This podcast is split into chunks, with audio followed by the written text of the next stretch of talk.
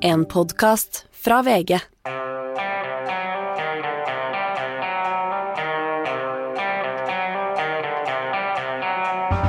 Marina Avsinikova er den første av en rekke svarte svaner i det russiske propagandaapparatet, sier vår gjest om kvinnen som stormet den russiske Dagsrevyen med plakat i går. Og i stortingsrestauranten setter de nå ned prisen på matvarer, og det skyldes endring i konsumprisindeksen på en eller annen måte. Og dette skal du lære mer om i denne utgaven av Gjever og gjengen tirsdag den 15. mars.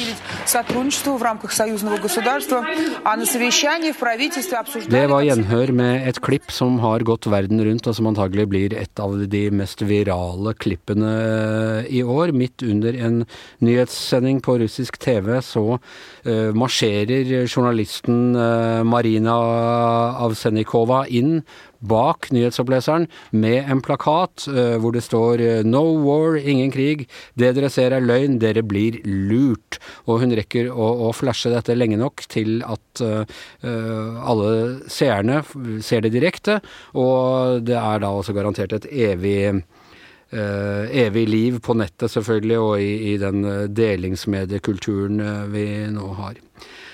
Og uh, for å snakke om dette, så har vi fått en gjest. Uh, hjertelig velkommen til deg, Ina Sangachiva. Tusen takk. Du jobber for den norske Helsingforskomiteen, men har vokst opp i Russland helt fram til du var 23 år. Ja, riktig. Hvor vanskelig er det å få gjort noe sånt i russisk TV? Det er veldig vanskelig. gitt at også Marine Uh, jobbet på den første kanalen. Det er en av de uh, hovedkanalene. NRK eller TV 2, liksom? Ja, type NRK, ja. Uh, også, men mannen hennes også jobber på Russia Today. Så des, disse to også har lang karrierebakgrunn for å jobbe rett og slett for russiske medier eller propaganda. og det hun har gjort i går, er jo ganske um, overraskende for veldig mange. Det er en slags uh, svarte svane som uh, regimet ikke har regnet med. Uh, men jeg tror slike svaner kommer vi til å se flere av.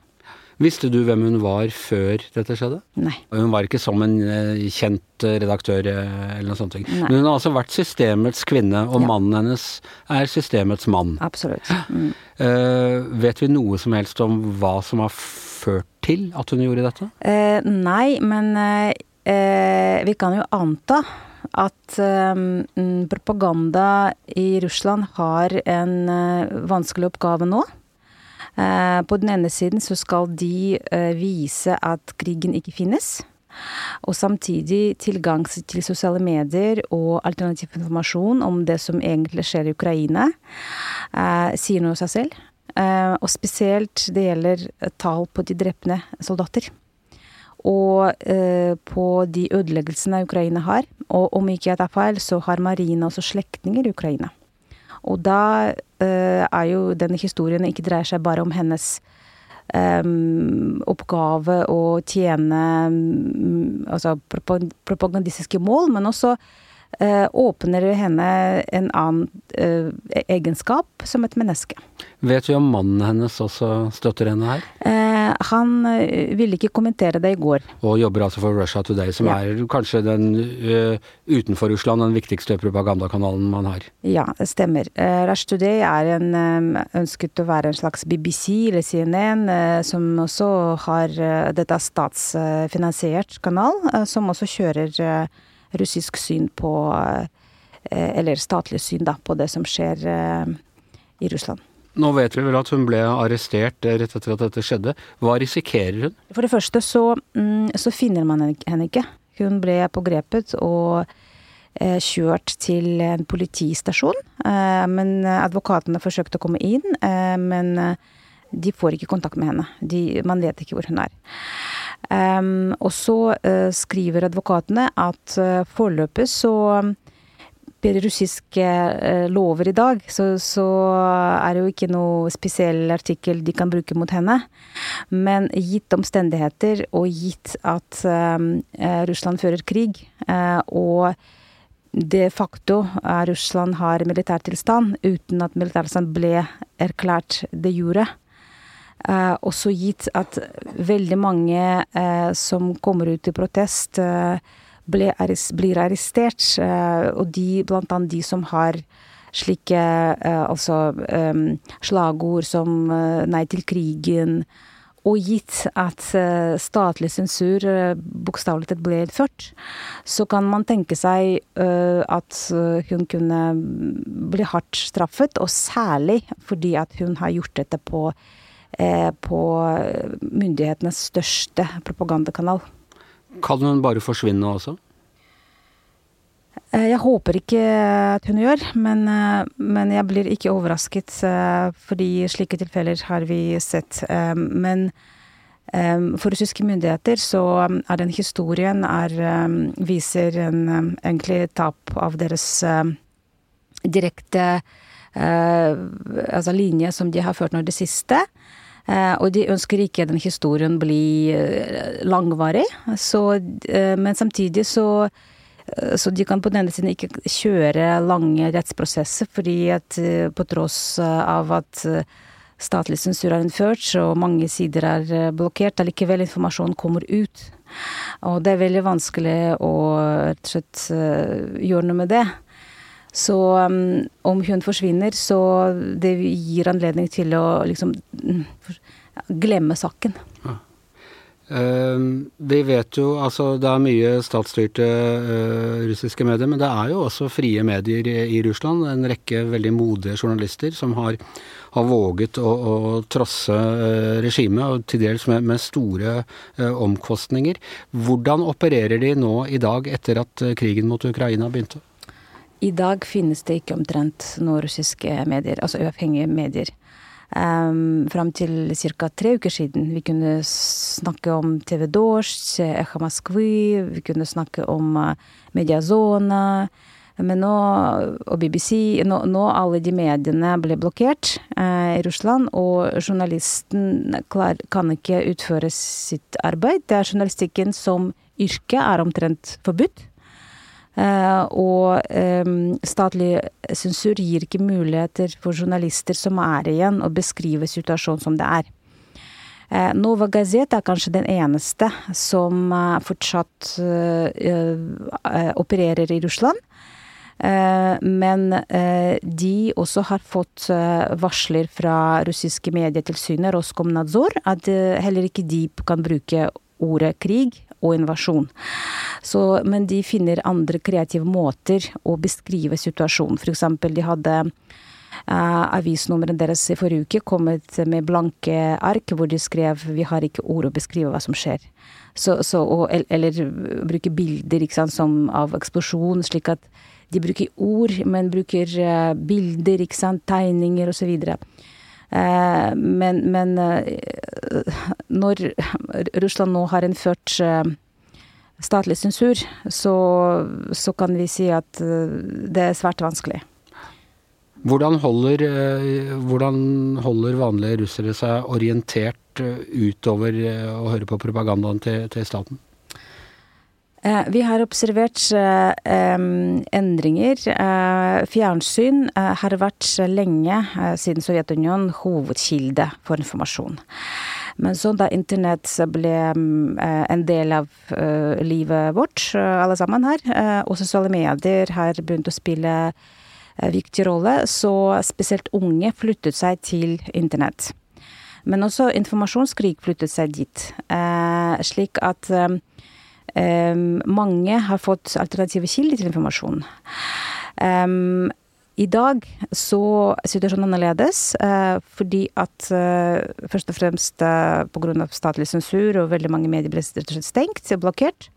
Men også russere bruker VP1 for å unngå blokkeringen. Mm, altså sånn at du, det ser ut som du er logget på fra et helt annet sted? Ja. ja. Um, uh, for det andre så bruker russere telegramkanalene.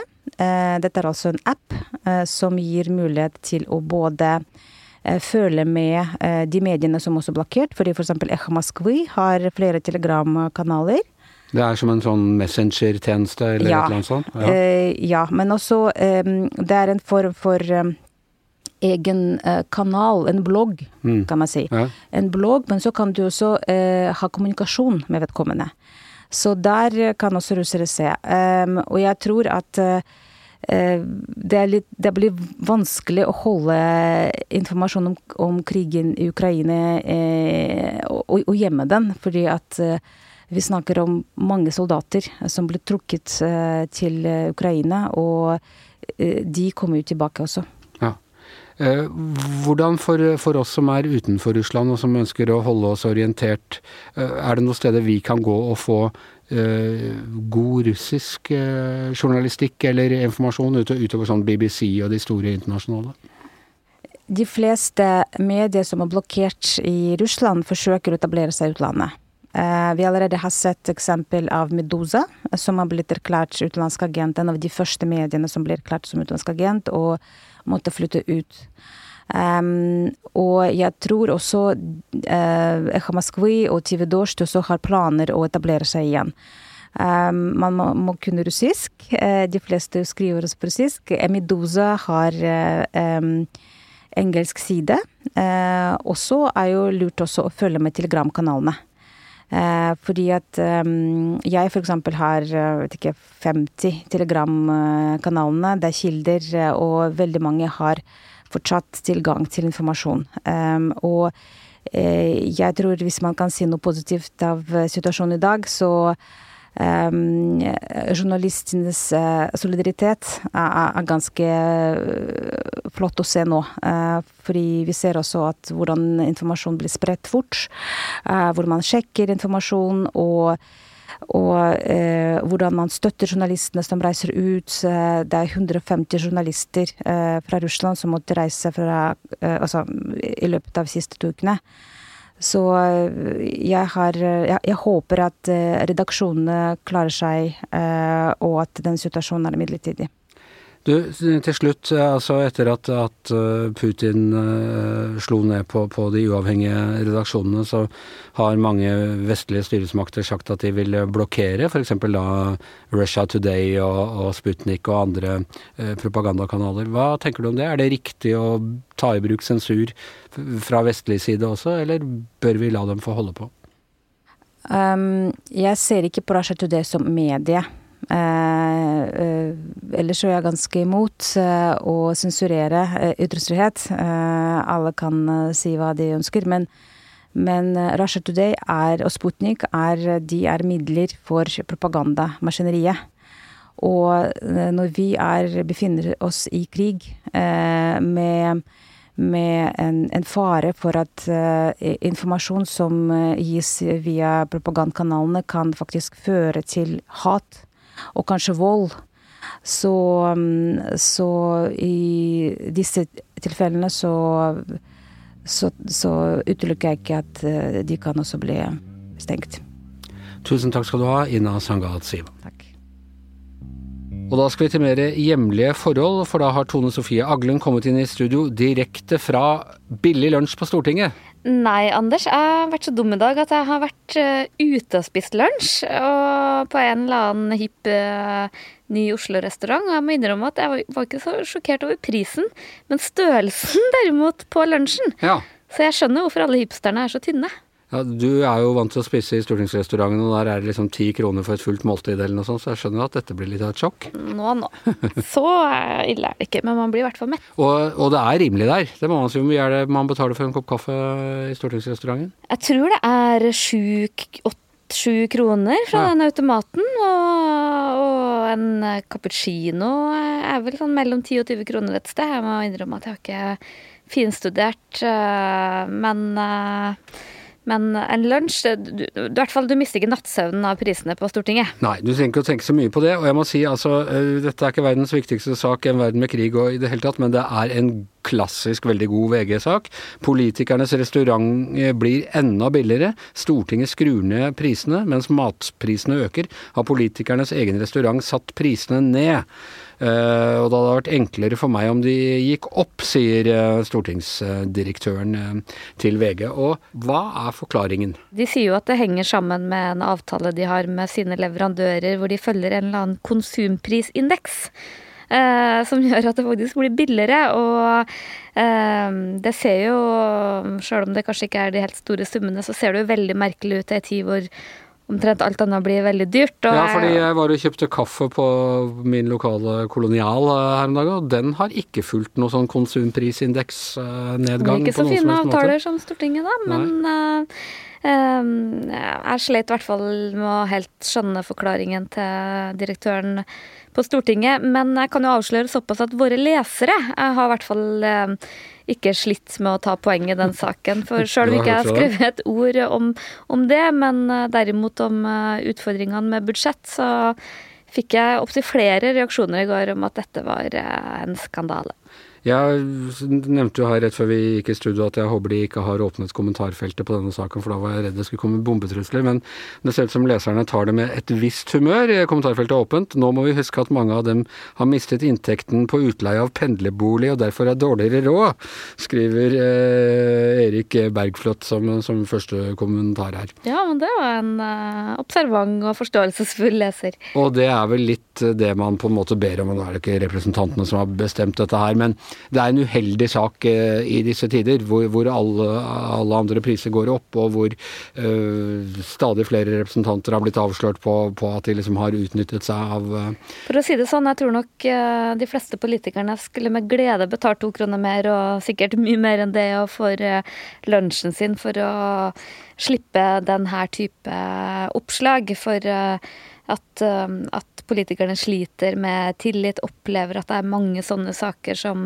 des, disk, deskrediterer. Diskrediterer. Diskrediterer politikerne i, i stort. Og, og, det har jeg sagt før, og jeg tror mange opplever det som eh, både veldig sårt, urettferdig, passer veldig på, er veldig opptatt av at ting skal være riktig, og at de ikke utnytter noen goder. Så Men er, eh, i hvert fall det er brudd lønn, i lønnsoppgjøret nå, og eh, av Støre og eh, Vedum, det prata vi om i går, er engstelig for å opphete økonomien, og vi, vi kan ikke løse alt med å kaste penger etter det, og i det hele tatt det er pedagogiske utfordringer politikerne nå har for å prøve å holde litt igjen, samtidig som statskassa bare ja, fylles opp med ja, strømavgifter og, Moms ja, og oljepenger inntil et visst punkt og i det hele tatt?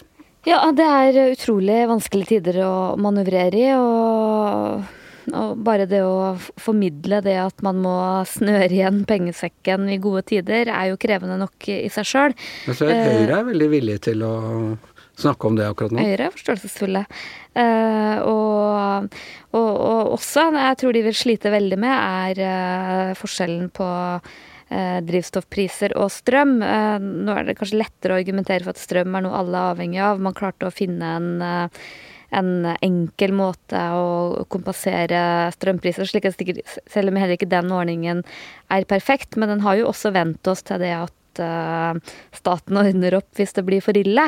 Uh, det er jo fortsatt et helt åpent spørsmål hva som skjer med næringslivet, og det blir stadig økende press på at uh, staten må åpne opp lommeboka der òg. Men vi så jo i går at mens Vedum og Støre snakka om moderasjon på Klekken, hvor de sitter nå og, og holder på med budsjett, så var jo masse Senterpartitopper rundt omkring ute og sa at dette her eh, må, må, kompenseres hvis det vedvarer. Og dette er jo det Senterpartiet alltid har ment, at man skal lukke økonomien og altså i ytterste konsekvens lage våre egne vaskemaskiner og, og i hvert fall altså vi tar opp olje fra Nordsjøen, hvorfor skal bensinen koste uh, mer, mer, her enn andre steder i Europa osv.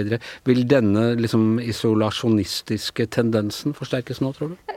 Nå ser vi jo liksom to veldig sånn ulike tendenser. For uh, etter, med pandemien og sånn, så har vi jo sett en veldig sånn uh, eh, sjølberging og nasjonen må ordne opp for seg. Men samtidig så ser vi også den andre trenden med krigen, hvor vi ser at mye tettere europeisk eh, fellesskap for avhengig man er hverandre, hvor sårbare ting er, som går litt sånn i ulik retning, men at eh, det her sånn politisk ser ut til å bli lommebokas store år.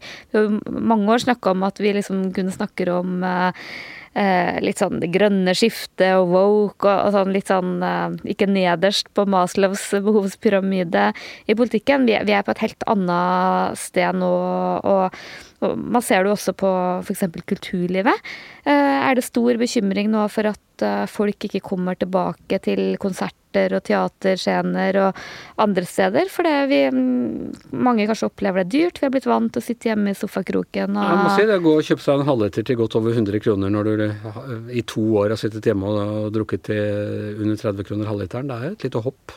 Ja, jeg tror nok det har uh, gjort noen ting med vanene våre. Ikke minst på sånn konsum og kultur og, og Folk har også kanskje endra litt sånn uh, eh, vaner i heimen nå, med liksom bake brød og lage middag sjøl, og kanskje ikke like opptatt av Jeg vet ikke, det er i hvert fall interessant å se hvordan det her utvikler seg, og med i hvert fall den prisveksten vi ser nå, så eh, Og så er det jo veldig smittsomt, da. Eh, liksom uavhengig av eh, hvor mye dyrere ting blir. Så jeg, merker i hvert veldig godt i Trøndelag, hvor jeg mm, jo er mye, og jeg har jo til og med trøndersk strømleverandør, dessverre med østlandske priser, så er jo folk der vel så opptatt av strømprisen, sjøl om den er helt normal og billig. Ja. Du, eh, vi har en meningsmåling i pipelinen her i, i VG. En god dag i VG. Det er alltid en eh, god dag i VG. Det er litt spennende, da, med altså disse to forskjellige altså, hva skal si, Postpandemi, hele strømgreia uh, og, og uh, kravet fra opposisjonen, særlig da til Venstre, om å bruke mer penger, kontra uh, krigseffekten, og at vi ser at plutselig er Nato og til og med EU kommet, på, kommet opp som uh, spørsmål igjen. Hvordan tror du dette vil virke på, inn på meningsmålingene? Nei, Det er vanskelig å, å, si. Det ene er jo om uh, den sittende regjeringa uh, får den der rally round the flag-effekten. Altså det at man i krisetider slutter opp om våre ledere. Og veldig mange har jo snakka om at nå kommer Jonas Gahr Støre sine styrker som uh, diplomat utenrikspolitiker, utenrikspolitiker eh, framstår trygg og kunnskapsrik i denne situasjonen. Eh, det, det, ene er jo om selv Arbeiderpartiet da, vil få noe, noe effekt av, det. Eh, Eh, slik vi så med f.eks. Erna Solberg fikk jo en voldsom effekt da når koronaen kom. Det føyk jo nesten 10 opp eh, 10 prosentpoeng opp på meningsmålingene, i likhet med mange andre. Nå er det ofte det en ganske kortårig effekt. Det er nå det ene spørsmålet. Det har holdt fram til sushien i Hemsedal. ja, det Men uh, fortsatt så ser vi jo i de siste målingene at Høyre har jo gjort det godt. Så, så, så det er et spenningsmoment. Et annet er jo hvordan utenrikspolitikk, forsvarspolitikk uh, vil uh, påvirke målingene. For det, det, vi i hvert fall vet uh, i befolkninga, er at folk er mye mer positive til Nato-medlemskap enn det særlig partiene på venstresida er. Også deres egne medlemmer. Men det, men det, er jo en sak som ofte er liksom langt ned på agendaen. Det er liksom ikke krig i verden folk tenker mest på når de stemmer. Så hvis jeg skulle, skulle tenke som naturlig er, da, så ville man kanskje tro at særlig SV og Rødt ikke tjener på det. Mens at partier som er mer opptatt av forsvar, sånn som Høyre, Senterpartiet, Arbeiderpartiet, kunne tjene på det, det, det er litt sånn annet spørsmål. Og så vil jo jeg kanskje tenke en tid med, uh, med, med, så mye fokus på olje- og gassavhengighet, høye strømpriser, at det å liksom være et sånn klimaparti og sånn er kanskje ikke de som har um, sine glansdager, da. Får mest vind i seilene. Nei, og jeg hørte uh, Vi hørte jo Moxnes på, på Politisk kvarter forrige uke. Han er Rødt er bedre når de snakker om Eller har nok større appell når de snakker om hvordan de skal uh, løse strømprisene, ja, enn si, hvordan, hvordan, de skal forsvare fedrelandet. Rødt har jo vært veldig høyrøsta når det gjelder strømkrisa. Uh, Hadia Tajik-saken, andre sånne saker som er på deres hjemmebane. og det, det, er ikke noe tvil om hva de mener og roper høyt, men i en sak hvor de faktisk står for en helt annen utenrikspolitikk, så er det påfallende taust. Det, virker nesten som Moxnes må, må taues inn i studio for å forsvare eh, Nato-synspunktet til Rødt. Så det, det, blir interessant å se. Ja. Vi vet ikke helt når eh, disse meningsmålingene kommer i hus og når de publiseres, men følg med på VG eh, nett. Og vi kan jo snakke om det i morgen, for da er det atter en dag. Men Giæver og gjengen er over for denne tirsdagen. Tusen takk til Inna Sangad Siva. Tusen takk til Tone Sofie Aglen. Jeg heter Anne Skjever, og mannen som klarer å hindre damer fra å komme løpende inn i studio med plakater midt under opptak, er som vanlig produsent Magne Antonsen. Du har hørt en podkast fra VG. Ansvarlig redaktør, Gard Steiro.